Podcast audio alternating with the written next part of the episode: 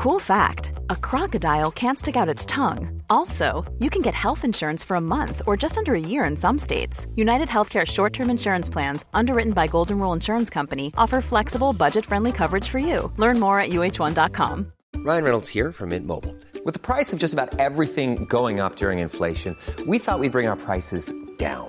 So to help us, we brought in a reverse auctioneer, which is apparently a thing. Mint Mobile unlimited premium wireless. Ready to get 30, 30, bit to get 30, bit to get 20, 20, 20, bit to get 20, 20, bit to get 15, 15, 15, 15 just 15 bucks a month. So, Give it a try at mintmobile.com slash switch. $45 upfront for 3 months plus taxes and fees. Promo rate for new customers for limited time. Unlimited more than 40 gigabytes per month slows. Full terms at mintmobile.com.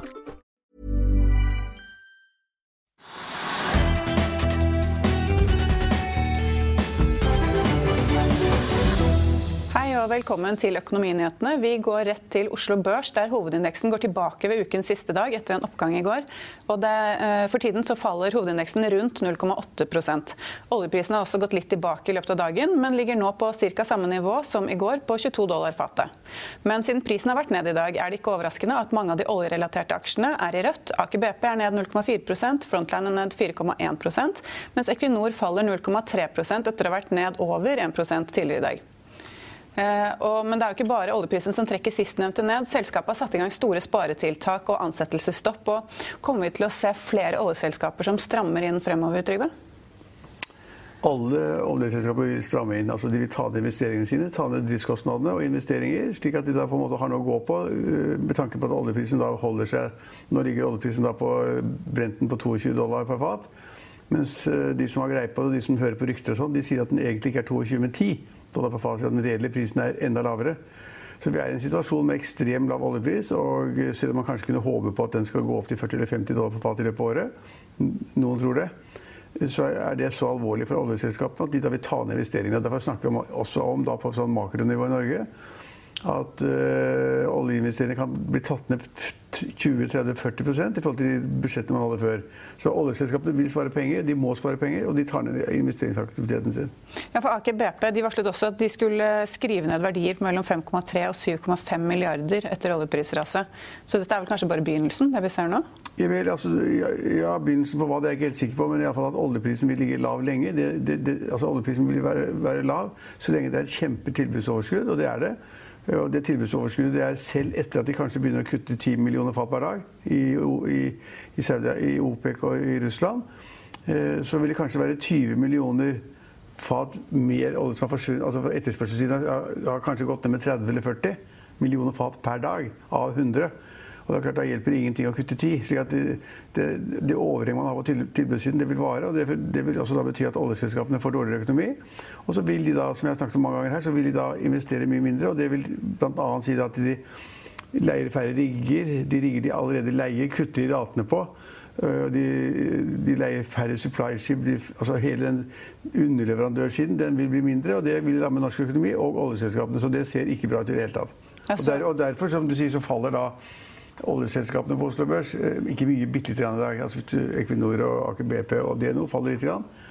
Men du nevnte også da at, at Frontline falt, og det, det, det, gjør den faktisk. Den er ned 4-5% men de er jo ikke et oljeselskap. De skulle egentlig teoretisk sett ja. så skulle de måtte gå opp i dag, fordi det, er for mye olje. Da bruker man jo tankskip til å lagre oljen i håp om at prisen skal gå opp siden. Så man, du og jeg kan kjøpe da en last uh, olje for litt under 20 dollar per fat. Og så håper vi å selge den for 40 eller 50 dollar per fat om tre måneder eller seks måneder.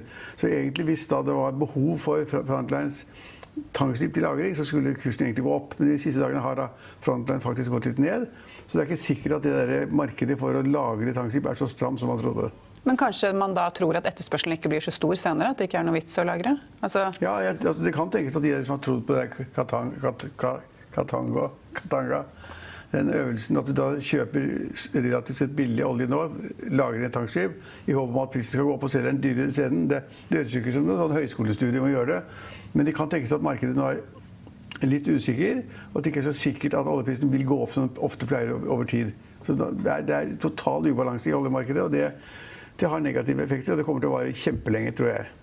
Men eh, det er vel kanskje også mye usikkerhet rundt vanene våre fremover. Altså Nå står vi vel foran det som kalles driving season i USA, som blir helt annerledes. Og i tillegg så ja, i alle flyene som er på bakken. Vi kommer jo ikke til å reise så mye. Ikke i år. Det er helt sikkert at altså, reiseaktiviteten med fly den er kommer til å være non-existent hvis, hvis, du ser på hva det var før. Og vi kommer til å kjøre mindre, kanskje ikke, ikke så veldig mye mindre i Norge.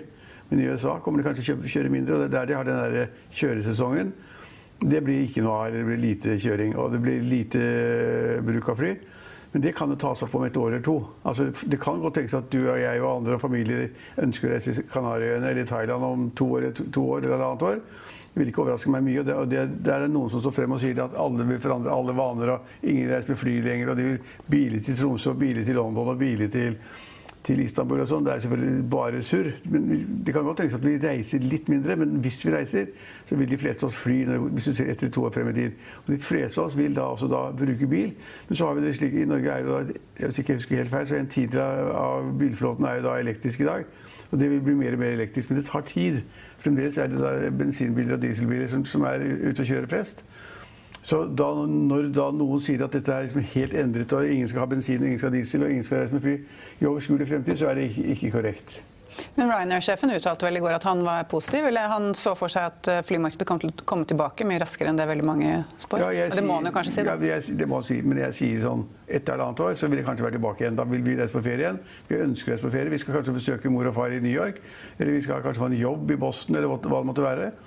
Og da tar man fly. Og Du tar ikke amerikalinjen og bruker en uke over Atlanteren. og sånn. Det, sånn, altså det er ikke vår verden. Og det er ikke noe særlig alternativ til fly hvis du skal reise til Østen eller til Amerika. Eller til Sør-Afrika eller Cape Town eller hva det måtte være. Du, har ikke tid til å bruke tre-fire uker på den turen. Det høres, det høres, hyggelig ut da, med amerikalinjen. ja, ja, det var, de, det var the old days. Da tok det en uke ca. Men øh, det kom jo en melding fra regjeringen i dag om at de flytter iskanten. Kan det ha noe å si for oljeselskapenes investeringer? Det, er det, det syns jeg er vanskelig å si. Så de, de flyttet iskanten sydover, Det Si mindre område å bore og lete på. Nordover. Jeg tror ikke det har noen særlig betydning akkurat nå. Altså, folk er mer opptatt av markedsprisen ved kjøp og salg i dag enn da som kan komme ut av boring eller ikke-boring om ett, to, tre eller fire år. Og hvis de finner noe om tre-fire år, så skal de bygge ut anleggene. Det tar ti år. Det er altfor langt frem. Jeg hadde en prat med Tina Saltvedt i går i Nordea, som jo er energianalytiker. og Hun mente at Hun tror bare på sykkelen? Ja, hun tror på sykkelen. Nei, men hun mente at fornybarbransjen kunne komme styrket ut av dette her. Men eh, det jeg tenker litt på, er at hvis oljeselskapene ikke tjener så mye penger, så har du ikke så mye å investere i den delen. Hva tror du? Fornybarbransjen kommer sterket ut. Eller for, fornybarsatsingen, da. Ja, kanskje. Men altså, for det første, du har et veldig godt poeng. For det første har ikke det oljeselskapene. De har ikke penger. Og det er ikke så veldig mange andre i Norge eh, som heller har penger, som, som kunne tenke seg å drive med det. Eh, så det, det, tror jeg ikke veldig mye på. Men det kan godt tenkes at man tenker seg om to ganger. Kanskje så blir det færre fly som går. Kanskje blir det færre som kjøper elbil eller, eller nei, kjøper, kjøper bensinbil eller dieselbil. Eller kjøper elbil. Men altså det, altså kan det tenkes at det blir flere flere vindkraftanlegg i Nordsjøen, opp mot Skottland utenfor norskekysten. Det er masse areal å ta av. Kanskje. Hvis du ser på energivolumet vi bruker, så er det der småtteri. Altså, hun er egentlig eksponenten for de som kan ganske mye om olje og gass, men som gjerne vil at alle sammen skal gå eller sykle. Og hvis vi ikke skal gå eller sykle, så skal vi kjøre elbil. Kanskje. Men, altså, vi får ikke de store endringene, og økonomien er jo svekket. Jo altså, både Hvis du ser på industrien som sådan, som nå søker om å få statlig støtte i form av lettelser i beskatningen, og andre selskaper som da på en måte får lavere pris for den oljen de selger, enten det er, enten det er Aker BP, eller det er, eh, det er Shell, eller det er Philip Noco, eller altså, hvor de enn er, så får jo alle sammen lavere betalt. Saudi-Arabia, Aramco de får lavere betalt, og da har de mindre penger og mindre penger på å bruke på masse rare ting. Og I slike tider så pleier da selskapene å, skru ned da ny, altså nyutviklinger og eksperimenter og den slags.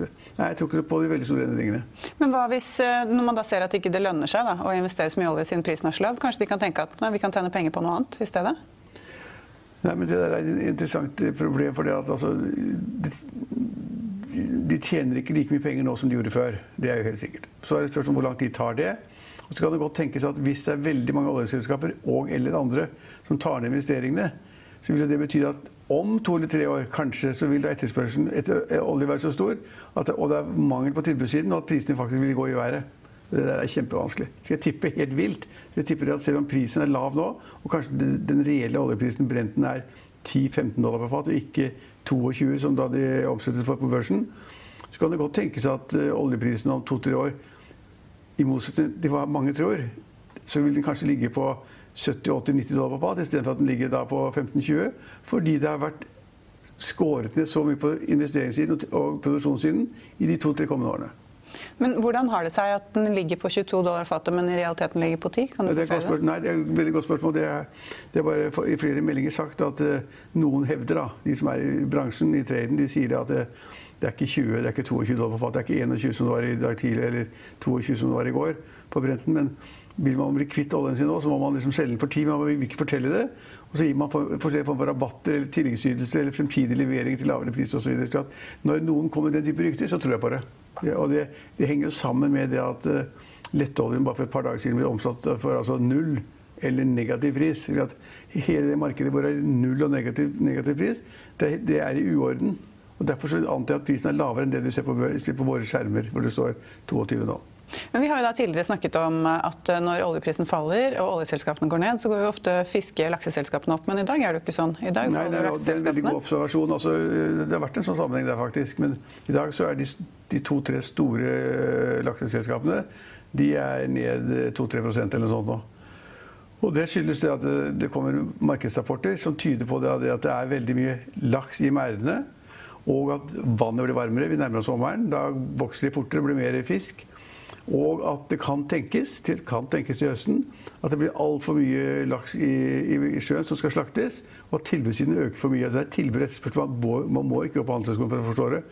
det men, men, men, men, har ute, du, du eller jeg har vært ute og kikket ned i merdene og sett hvor mye fisk det er. Men de som har greie på det og følger det veldig nøye med, de, de sier det at det, det, blir for mye fisk. Så kan du si ja, for mye fisk til hva? I forhold til hva? Det er relativt. Og Hvis det hadde vært en kjempeetterspørsel, så hadde jo all fisken blitt borte til en høy pris. Nå er man redd for at prisen skal falle under 50, 50 kroner kiloen eller 40 kroner kiloen fordi det blir for mye. Og for, det blir for mye fordi at en svær del av markedet som etterspør laks, er borte. Nemlig da det hotellene, restaurantene og den type virksomheter som da kjøper laks før. Ingen kjøper noe som helst. Det er ikke fordi at restaurant og hotell er stengt verden over. Verden over, Ikke liksom bare på Vestlandet i Norge eller i Oslo. Det, så hele det markedet er borte. Og da vil jeg si at Hvis du da alt annet likt, da, så tilbudssiden hadde vokst med normalt 5-6-7 i året, så kunne det gått. Når du tar bort hele den siden av etterspørselen, så blir det for mye laks. Derfor vil prisen falle, og derfor også har kursene begynt å falle. Allerede nå. Men nå skal du jo åpne restauranter igjen? Eller sånn mai-juni ja, ja, ja, rundt omkring? Sakte. Sakte, men det hjelper. Det hjelper. Altså, øh, jeg har et hotell ute i Asker, ved sjøen, i kanten der, og det åpnet på mandag med liksom bitte, bitte, bitte litt virksomhet. For man kan ikke ha store møter. kan man ikke ha. Det er liksom, Du må si maks fem personer og sitte to meter fra hverandre. og sånn. Så da er man åpen veldig forsiktig. Men det blir jo ikke noe, det blir ikke noe laksefest av det. Altså Det blir liksom bare å vise at du er åpent, og at du kan selge pizza og sitte i sol, solsteiken og liksom ta et lite smørbrød. Men det er ikke det, det, er ikke det volumet vi er vant til å se på restaurantsiden og hotellsiden. Så den delen er, jeg, jeg mener at For alle praktiske formål så er den delen borte. Det det, er da etterspørsel som kunne gitt en høyere laksepris, høyere kursgevinst på, på lakseselskapene, men de peker nedover nå. Derfor. Men selv om da børsen er ned ja, sånn mellom 0,6 og, og 1% så Eh, I på en måte gamle dager så ville dette vært eh, mer å rapportere om, men nå så virker det jo nesten som en flat børs, når vi, har, når vi er vant til så store svingninger. Ja, altså nå svinger det så fælt, ikke sant, som du sa til å med. Altså, børsen var jo opp over halvannen, nesten 2 i går. Og sånn er det i USA. Det svinger En dag er det opp 2 og neste dag er det ned 2 og det er Stor usikkerhet. Eh, alle folkene lurer på hvor lenge denne krisen med viruset varer. Det kan vare lenge. Altså Først trodde vi de fleste av oss at april var død, borte. Og så blir det kanskje litt bedre i mai, og så enda litt bedre i juni, juli osv. Men det ser ut som politikere verden over har, har, bestemt seg for at dette skal man ikke åpne for tidlig. Så åpner vi skolen i Norge, så åpner vi, så åpner vi frisørsalongene i Norge på mandag. Ja, Skolen åpner på mandag. Ja, mm. ja Så kommer da frisørsalongene mandag som kommer. Mm. Og så kommer kanskje restaurantene, men de restaurantene har jo nesten ikke omsetning hvis de ikke får lov å servere øl og vin. Nesten ikke. Og det, Den tillatelsen er ikke kommet til Oslo ennå. Den kommer i begynnelsen av mai? var det ikke det? Ja, kanskje. Ja. Det, sa, det, sa, byrådet, men kanskje. Og I andre land så er det fremdeles enda mer nedstengt enn i Norge. Hvis du ser bilder fra, fra, London eller New York eller eh, Paris. Paris eller hvor som helst, så er det, det er folketomt. Jeg snakket med noen i Frankrike her i dag. hvor hvor altså du liksom, Hvis du skal ut av hjemmet ditt For det første kan du ikke være ute mer enn én time hver dag. Så må du løpe som et svin til apoteket eller da matbutikken. Og For å komme dit så må du da ha en skriftlig erklæring når du fyller ut med politiunderskrift når du går hjemmefra, når du regner med å være tilbake igjen. Og hvis du blir stoppet uten at du har den der erklæringen, da politierklæringen med deg, så får du straff eller bøter. Det er, jo, så, altså, det er mye strengere i andre land foreløpig. Det vil si at det tar enda lenger enn vi har trodd. Vi har fått tingene i gang igjen. og Nå snakker vi om at få økonomien i gang igjen, og liksom BNP skal gå opp og ikke ned og sånn. Glem det. Og apropos BNP, så la jo SSB frem tall i dag. Eh, Fastlands-BNP falt 14% i mars eh, og 1,9% i første kvartal. Og De sier at det er en bråstopp som mangler, eh, at det mangler sidestykke. Ja, Det mangler sidestykke fordi vi vet jo det at det er 400 000 mennesker som er permittert, eller, eller da er sagt opp. En kombinasjon av de som er sagt opp endelig, og de som er permittert. Det er 400 000 pluss. Kanskje det er 410 000. Og det er bråstopp. Altså 400 000 mennesker som ikke har jobb. Det er bråstopp uansett hvordan du vrir og vrenger på det. Og fallet da i mars er akkurat som man kunne forvente. Det eneste som er overraskende faktisk, det med SSB i dag, det er det at de tror det at det blir en ganske høy BNP-vekst til neste år. Ja. ja okay. 4,7% Ja, det høres ut i min, i min, verden. Jeg sitter ikke og regner på det sånn som de sitter med regnemaskiner og holder på liksom noen uker med det. Men i min verden så høres det altfor optimistisk ut. Ja, for De sier at det skal falle 5,5% i år og tilbake igjen da, til en vekst på 4,7 til neste år. Da er vi kjempeheldige. Jeg tror det sitter noen nede i SSB som tror på julenissen. Hey, I'm Ryan Reynolds. At Mint Mobile, we like to do the opposite of what Big Wireless does. They charge you a lot, we charge you a little. So naturally, when they announced they'd be raising their prices due to inflation, we decided to deflate our prices due to not hating you. That's right. We're cutting the price of Mint Unlimited from $30 a month to just $15 a month. Give it a try at mintmobile.com slash switch. $45 upfront for three months plus taxes and fees. Promo for new customers for limited time. Unlimited more than 40 gigabytes per month. Slows. Full terms at mintmobile.com. I'll see you in court. Vi sier det ofte litt på spøk, men for deg som driver business, er det aldri moro å innse at du ikke har laget en 100% gyldig kontrakt. Du bør ikke risikere hele firmaet ditt fordi du synes dette med kontrakter er litt stress. En avtale er ikke en avtale. Du kan miste kunder, miste venner, ja, til og med miste inntekter om du ikke lager en skikkelig kontrakt, på alt mulig, egentlig. Men vi vet det er et styr, kopimaskiner, tregprinter og haugevis av papir. Dessuten stoler vi jo på folk her i landet. Det er ofte litt kleint å skulle be om en signatur for alt mulig, ja, for mye av styret handler også om jakten på underskriften. Det finnes en enkel måte å løse dette på, Dukkobit, en trygg, effektiv og get this, gratis måte å sikre seg en god natts søvn pluss en juridisk bindende avtale. Dukkobit-appen har de strengeste sikkerhetskrav i bunn, samt en EU-godkjent og sertifisert teknologi. Framover vil det bli behagelig å spørre du, skal vi skrive under på det, eller? Kom i gang på dukkobit.no. Eh, men alle disse som er permitterte, hvor lang tid tror du det tar før de kommer tilbake på jobb? Nei, nå er jo regelverket det at eh, For det første så fikk vi en ny lov da, som gjorde det at arbeidsgiverne betalte de to første dagene. Så tok da eh, staten de resterende dagene frem til 20 dager. Og etter 20 dager så får de da 62,4 eh, av eh, lønnen opp til 600 000, som er 6G. Men den avtalen som da løper foreløpig, den skulle gå ut om et halvt år. Så etter det så skulle da bedriftene, da, da de fikk det lønns volumet i fanget, så vil de jo bruke disse menneskene til noe. Sette det i virksomhet. Hvis det ikke er noen virksomhet, altså hvis, så er det ikke noe man kan gjøre ved det. Og derfor så har jo da LO jeg vet ikke om det har kommet allerede opp i Stortinget, men LO har jo sagt at den der regelen med at da permitteringsadgangen bare gjelder i 26 uker. At den skal forlenge seg ut året i 52 uker. Med lenger enn ut året i 52 uker. Og da var jo dette lenge. Mm. Og hvis permitteringsadgangen hadde falt bort, så ville nok kanskje flere bedrifter da vært nødt til å ta flere inn i jobb igjen. Men det er ikke så veldig stort poeng å ta folk inn i jobben hvis det ikke er noe å gjøre. Men så tror jo da også SSB at renten vil holde seg ganske lav lenge, altså på 0,25 eh, ut 2021, og så gradvis opp til da 0,75% i 2023? Ja, renten vil være lav lenge. Det er klart at altså, Norges Bank kan ikke øke renten med den økonomien vi har nå, med, med fallende BNP og elendige utsikter og få arbeidsløse overalt. Så kan du ikke øke renten. Men spørsmålet er om de må senke den fra 0,25 til 0. Og hvis, du, hvis, man ser på de rentene du og jeg og andre får i banken for tiden, så er jo det nærmest null. Altså de som har lønnskonti. Og du tenker på de som har innskudd, og ikke de som ja, de, de tenker lån? ja, de som, de, tenker på de som har innskudd. Så har noen innskudd, da. Enten det er 20 000 på kontoen eller 300 000 på kontoen. De får jo null omtrent. Da har du veldig mye penger i banken.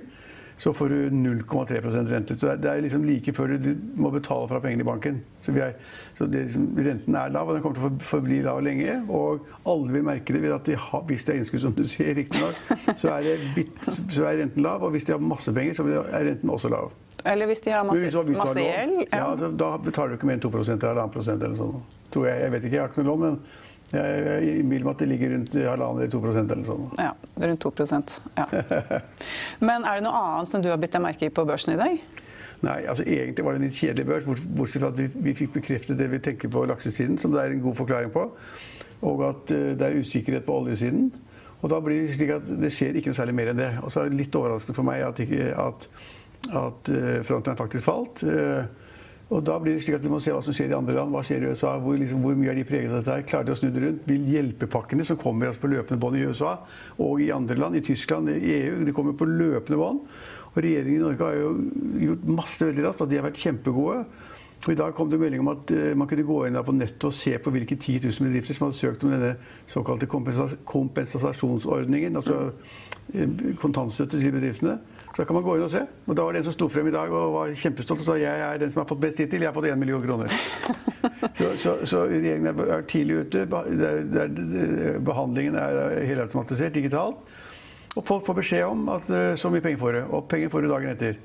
Så det kan bli ganske spennende å se da, hvor mange som søker, hva de får av penger, og hvor mye da staten egentlig må betale ut ved de forskjellige ordningene. Og så får vi jo se litt hvordan det går fremover. Nå som, nå som åpnet denne uken og det åpner mer i neste uke, så virker det liksom som det er færre som er innlagt på sykehus med korona. virker som vi, eller Det føles lettere. Ja, det, jeg synes det er et godt poeng. Altså, det er nesten mystisk. Altså, antall døde liksom, holder seg der. Og de som blir lagt inn, blir stadig færre som blir, blir, blir vurdert som smittet. Eh, og de som er i respirator, går ned. og innlagt. I Norge ser det veldig bra ut. da. Så jeg tror at Alle tenker at det går bedre enn vi kunne forvente eller tro. Vi er heldigere enn alle nå igjen.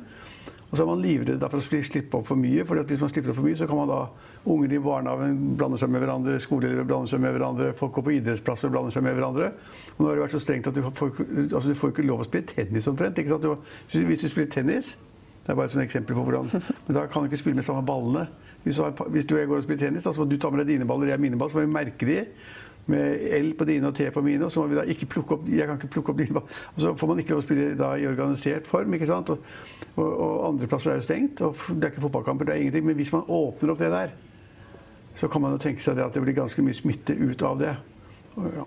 Ja, så Det er jo greit å fortsette å holde avstand, særlig sånn at barnehagebarn kan komme seg i barnehagen og folk ja, komme på jobb? Jeg syns du skal holde avstand og vaske seg ti ganger mer enn man pleier. Og, så videre, og det har virket i Norge tilsynelatende. Og så må de sannsynligvis teste mye mer for å finne ut av liksom, hva er det ueksponerte antallet som da egentlig har vært smittet, som man ikke vet om. Det får man kanskje vite. Men det, det var en ting som til slutt altså det, var jo, det er morsomt at du tar opp det temaet. For at vi har sett at de fleste børsene i verden så det selskaper som har drevet med farmasi eller medisiner, har gått opp. For det har vært rykter stadig vekk om at nå driver de med en eller annen test eller forskning på et eller annet som da kan skaffe en vaksine. Og med en gang det går rykter om det, så går kursen opp. Ja, sånn har det alltid vært. Vi driver med den type utvikling i Norge også, et par selskaper. Men så var det et selskap da, nå husker jeg ikke hvor det var, som da gikk ut med en melding for en stund siden de holdt på med en veldig viktig sak som de ikke skulle bruke ett og to år på å teste ut, men bare noen uker, for å kunne få et svar på om det kunne være mulig å bruke den ene type medisinen også for, da, for korona. Kanskje. Og Så kom meldingen i går, og da falt de amerikanske børsene. For jeg syntes de var så dep depressivt at de, de falt på bred front en liten stund. For det var et selskap som hadde testet x antall hundre som hadde fått medisinen, og x antall hundre som ikke hadde fått medisinen. Og de som hadde fått medisin, der døde det flere enn de som hadde fått medisinen. ja. Det var det motsatte av hva man trodde på, og det syns markedet var ganske skummelt. Ja, det skjønner jeg jo. ja. men, eh, men, nå ser man jo også at butikker begynner å gjenåpne. Eh, det må jo også være positivt for norsk økonomi? Det er positivt for økonomien, men foreløpig er det så bitte lite. Altså, det er klart at hvis du har en svær butikk med fire-fem ansatte, og du selger klær eller sko, eller hva det måtte være, og så selger du en tiendedel eller tyvendedel av hva du gjorde før. Da har du bare kostnader, egentlig, så du taper egentlig penger. Så jeg tror jo, men det er Jeg tror at vi, vi har sluppet å se en sånn konkursbølge i, i Norge. Fordi at eh, permitteringsordningen er såpass romslig. Men ikke, du får ikke så mye ut av det. Og selv om du får en kompensasjon fra staten eh, for disse 50 milliardene, milliardene som skal deles på tre måneder, så er det ikke nok. Så altså, vi blir mer konkurser. Ja, Det kommer kanskje til høsten, da? Når uh... Ja, de kommer på løpende bånd. Altså, ja. Når folk ikke orker mer. De har tømt alle konti, de har kanskje pantsatt hytta, de har kanskje pantsatt huset sitt, eller de har noen andre reserver, de får hjelp av familie eller venner eller hva det måtte være. Og så er det ikke nok allikevel, for det er tøft å drive business. Det er, det er tøft å drive business når du ikke har noen kunder. Så må folk, folk, må innse at det er helt kaos. Hvis liksom, drosjesjåførene sier at de har liksom en tyvendel å gjøre nå hva de hadde før, så er det sannsynligvis sant. Før, før så hadde de liksom passe dårlig business, nå er det elendig business. Det er ingen som tør å ta drosje? Nei, det er det også. Nei, om de tør, vet jeg ikke, men Men eh, det har jo vært én stor snakkis denne uken, og for så vidt kanskje, jeg husker ikke helt når det startet, men det er jo oljefondet. Og Nicolai Tangen, så du på debatten i går? Ja, jeg ser på alle de debattene. Ja, eh, altså, eh, Da var jo Yngve Slyngstad der, nåværende oljefondsjef, for å snakke om at han var med på dette seminaret. Syns du at han egentlig må forsvare den Nei, det er to ting. Han, han, at han var med på seminaret, tror jeg ingen angriper. For seminaret var kjempegodt ansatt. Jeg har sett på de navnene og sånn. Og Knut Kjær, som var den første sjefen for oljefondet, har sagt at det var fantastisk foredragsholder, diskusjoner, debattene, panelet. Det var dritbra. Han sa ikke akkurat de ordene, men det var det, han, det sa han. Og det tror jeg på. Og så kan man ikke begynne å diskutere det. Hvor bra var det, liksom, skjønnsmessig. Det var et bra seminar. Men det Slyngstad da, så han har ikke beklaget det at han var der. og Han fortalte det at han reiser 40-50 dager i året ut og holder foredrag og deltar i debatter og alt mulig rart. Og Det ville vært en helt naturlig sak å være der. Men det jeg mummet på, var at han er en sånn traust mann. Utdannet både jurist og siviløkonom. og grad fra Paris i tidligere grad. Liksom, har gjort alt riktig. Fornuftig, skikkelig type. Hatt strålende resultater. Det er det ingen som diskuterer. Uh, og vis liksom den norske liksom, folkeligheten eller nøysomheten. Eller liksom, det er knapt natur til å reise på businessklasse med fly. ikke sant? Men han satte på med dette privatflyet fra da Philadelphia til Oslo etterpå. Og det, det skulle jeg ikke gjort. Det liksom bryter med alt, alt vi står for, og det er liksom ikke bra. Og det gir en dårlig effekt innad, og jeg angrer. Jeg, jeg, jeg tilgir meg. Altså, det er sånn, ja, han, han var veldig, veldig, veldig lei seg og sendte ut en melding om det i Norges Bank. Og det får han gjerne være. Altså, men, men, og jeg forstår det også. Han, han kunne liksom reist med business class hjem. Så hadde liksom ikke fått problemer i det hele tatt. Og når man har beklaget at han har satt på med et privatfly Men altså, det er ikke verdens undergang da, at det går et privatfly fra Philadelphia til Oslo. Jeg vet ikke hvor mange passasjerer det tar, men 30-40 eller et eller annet sånt. Og at han var en av 30-40 i det flyet, det er liksom ikke Altså, han har ikke mistet hele jom, ja, altså, Det er litt, litt, for sånn jomfruaktig for meg. Han, man, man, ja, så han er, han er, en bra kar. Han beklaget på TV i går han beklaget internt i banken at han satt på med det privatflyet. Og så blir det en idiotisk diskusjon om da han skal betale for det det ville vært hvis han skulle vært betalende gjest på flyet. Og sånn er det selvfølgelig ikke. Hvis han hadde ikke reist med det privatflyet, så hadde han reist med et rutefly, og det hadde banken dekket. Altså, de som jobber i Norges Bank, betaler ikke reisene sine selv. Så det, så det er banken som betaler det. Så det har vært masse diskusjoner om han da burde allikevel bli tillagt en fordel fordi han reiste med, med, med privatjet, for det er jo bare surr. Men han eh, går jo, som du sier, han har jo eh, hatt, eh, gjort en god jobb, hatt, hatt, et godt rykte. Og nå går han av med dette her som på en måte siste Jeg tror folk glemmer det fort. Altså, at han satt på én tur med et privat jetfly, det tror jeg folk stort sett gir blaffen i. Det, det, det, tror jeg faktisk at de blaffen i. Man må jo se på resultatene hans, hva han har levert. Han skal slutte i første uka av september eller sånn nå. Han har hatt en god lønn, 6-7 millioner kroner hvis jeg husker rett, og det får jo etterfølgeren også. og Det er ikke noe grunn til å kaste over han for han satt på med et privatfly. Altså, vi er ikke så jomfrunalske i Norge. Vi er ikke, vi er ikke så hva heter det, et par, ja, et par andre ord for det. Men, ja. Vi, er, vi, er, vi, er vi, er, ikke der ennå i Norge. altså Jeg håper ikke vi er der i hvert fall. Men eh, så var det jo også dette med at eh, han hadde blitt kontaktet av Tangen Eh, han sa jo eh, selv at han ikke fant det naturlig å svare på sånne henvendelser. At han hadde fått flere tilsvarende henvendelser. Men hva tenker du om en sånn kontakt? Ja, at han som da for både, både, Tangen og eh, sentralbanksjefen ja. mener jo at det hadde vært naturlig? Eller det var naturlig altså, å ta kontakt? Det, det, det, er ikke unaturlig at de som søker en toppjobb, og som er liksom da siste fase der, at de går og spør han som er sjef i det selskapet. Det ville vært helt naturlig, hvilket som et annet selskap i Norge at hvis jeg skulle søke da jobben i Hydro eller i Equinor eller Aker BP eller i Skipsted eller noe sånt, eh, og vi fikk vite at jeg sto, for, sto close til å få den, før, altså før jeg sa ja, da, så ville jeg jo sjekket med sjefen liksom, hvordan var kulturen i selskapet, hvordan var ledelsen, hvordan var eierne, hvordan oppførte seg på styremøtene. Hva kunne man forvente fremover av strategiske valg? Det vil man spørre om. Det er helt naturlig. Og det har da uh, Norges Bank-sjefen Olsen sagt, og det sa jo også Slyngstad selv, at det syns han var naturlig, og det syns også Tangen. Men tror du Tangen kommer til å bli sentralbanksjef eh, når den tid kommer? Det blir vill gjetning, men jeg tror ikke det. Nei, jeg tror ikke det. Fordi, det er lettere å si ja, for han har jo tatt sagt ja. Han skal flytte familien hjem, og han skal ordne opp pengene sine som han har i London og hit. Men altså, jeg skjønner ikke at han gidder. Altså, Han gidder å gå fra da en på en måte et system hvor han bestemmer, er sjefen, har bygget opp en stor formue. Vært fantastisk god fordi han har forvaltet penger for, ikke sine egne penger eh, alene. Og så, så kom hjem til det derre tåka her hjemme da, hvor liksom de er helt gærne for at han Og så har han brukt noe penger, da. Og jeg, altså jeg er ikke blant de som bruker penger, det vet jo alle. Og det er ikke så mange i Norge som ville brukt like, like, mye penger som han. Jeg kjenner bare to av dem som ville gjort det. Uh, og så har han brukt da 28 millioner kroner på et seminar som var på det universitetet han gikk, så han elsker å være, har fått, fått sin egen bygning hvor det står da Nicolai Tanger i sånn skilt utenfor og sånn. Noen syns det er gøy. Ja, så får de synes det, da. Og så det amerikanske systemet er bygget opp på det. Og så bruker han da masse penger for å få fagfolk og venner og venner til det seminaret, og så blir vi gærne på det. For at det gjorde han da, som da sjef i dette fondet. Og han har utrolig mye penger. For han bruker det på noe surr da, på, på, på, Sting og greier, og fly og greier. Det, poenget er jo det at det eneste som teller, er hvordan han ville agert da han ble sjef i Norge. Og jeg er bombesikker på at han ville fulgt norske regler, britanske regler, fra A til B, helt, altså uten å være i tvil på noe som helst. Det ville han gjort. Men burde han opplyse om eh, altså posisjonene sine? Eh, I går så var jo det også et tema. Slyngstad hadde jo vært åpen om eh, hva, altså, hvilke aksjer han eide, hva han ja. gjorde. Men Erna Solberg sier jo at det er viktig at han er åpen om investeringene sine. Ja, det burde han helt sikkert vært. Men det sier jo han, da. At han var enig med Norges Bank. At når han da liksom fikk klar beskjed om at han skulle begynne, og det var gitt en tidsfrist for det, så skal han sette seg ned, og det er ikke før i september. Så skal han sette seg ned med Norges Bank og finne ut eksakt hva man skal rapportere, hva han hadde. Det sier han, og sier også han sier at han har fortalt om hver eneste aksje, hver eneste andel i disse fondene sine. Han sier det. Og så skulle de snakke om hvordan de skulle håndtere det og regulere det. Når han sier det, så tipper jeg at han har snakket med banken om det. Så det er alle de andre som ikke har peiling, så da sier de at han ikke, ikke har sagt noe om det. Men ja, Nå sier jo du at du ikke skjønner at han kommer hjem. Nå har han tjent masse penger. Det er en av de viktigste stillingene i Norge. Det kan jo være derfor, som, jo, men altså, derfor han blir lokket? Hvis du kan gjøre alt du vil økonomisk, så er det mange som kan det. da. Selv jeg kan det. Økonomi kan gjøre hva jeg vil. Men altså når du kan gjøre akkurat hva du vil, drive med veldedighet, tjene penger, hjelpe folk, bygge noe, gjøre noe, reise Å komme da til Norges Bank åtte om morgenen med, med matpakken og brunosten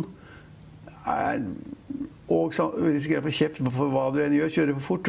For, så, hvis, du, hvis, du, blir tatt i kjører for fort på Drammensveien, så får du svære oppslag i VG og Dagbladet og, og, og, andre aviser om at du svinekjører eller du går på rødt lys. Eller, altså, han vil jo være utsatt for en så, sånn granskning, sånn overvåkning, at det, det ligner jo ingenting. Og Vi hadde et tilfelle er kanskje på slutten av programmet vårt, men det er jo interessante spørsmål. Men altså, vi hadde jo da en sentralbanksjef for noen år siden. Da var jeg også fulgte med, faktisk. Det er i min tid som da, som da het Moland. Torstein Moland. Som måtte gå av? Han var sentralbanksjef i bare to og et halvt år. Eller jeg tror det var 20 måneder eller noe sånt. Nei, da var han sentralbanksjef. Og da, Den gangen var det veldig mye snakk om kommandittselskaper og slike ting. Hvor man var med på hva man som kjøpte andeler i fond. Ikke i aksjer, da, men i noen sånne Kall det en type fond, da. Kommandittselskapsbevis. Hvor de deltok og eide tankbåter og andre ting og industribedrifter og alt mulig rart var han med på. Det var alle i Norge. Helt lovlig legalt og helt naturlig at man satte penger i det. Hvorfor, skulle alle sammen ha pengene bare i banken? Hvorfor da ikke ha penger i aktivt næringsliv? Han hadde også gjort det. Og så var det da spørsmål om da den skatten han hadde regnet ut, var det var riktig legal. Og som det medførte at det endte til slutt på at ligningsmøtet sa at vi vet da søren, vi, altså, vi har kanskje regnet feil. Og så ble det en rettssak som han vant. Han hadde ikke gjort feil i det hele tatt. Men pga. bråket om den ene kommandittandelen, det ene bråket om et fillebeløp, så trakk han seg som sentralbanksjef. Jeg, jeg mente han ble mobbet ut av stillingen. Ja, Da får vi se om Nicolai Tangen takler denne, er, ja, dette oppstyret. Ja, det var et veldig morsom avslutning. på det. Han er i ferd med å bli, komme i samme posisjon. Han blir mobbet ut av stillingen. Mm. Da skjønner jeg ikke at han gidder. Altså, jeg heller tatt meg en tur i fjellet. Ja. ja. Da blir det spennende å se fremover om, det, om vi får en ny sentralbanksjef som er Nicolai Tangen eller ikke. Og Det var det vi hadde i dag. Vi er tilbake på mandag klokken ti og klokken halv fire. Husk også å kjøpe Finansavisen i helgen. God helg.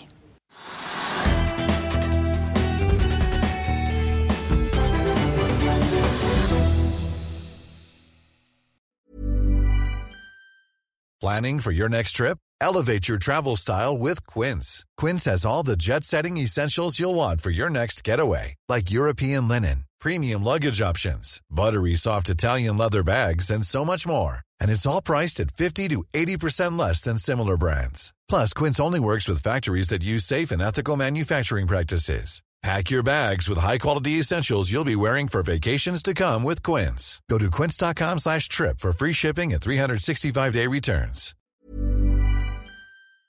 Økonominyhetene er en podkast fra Finansavisen. Programledere er Marius Lorentzen, Stein Ove Haugen og Benedikte Storm Bamvik. Produsenter er Lars Brenden Skram og Bashar Johar. Og ansvarlig redaktør er Trygve Hegnar.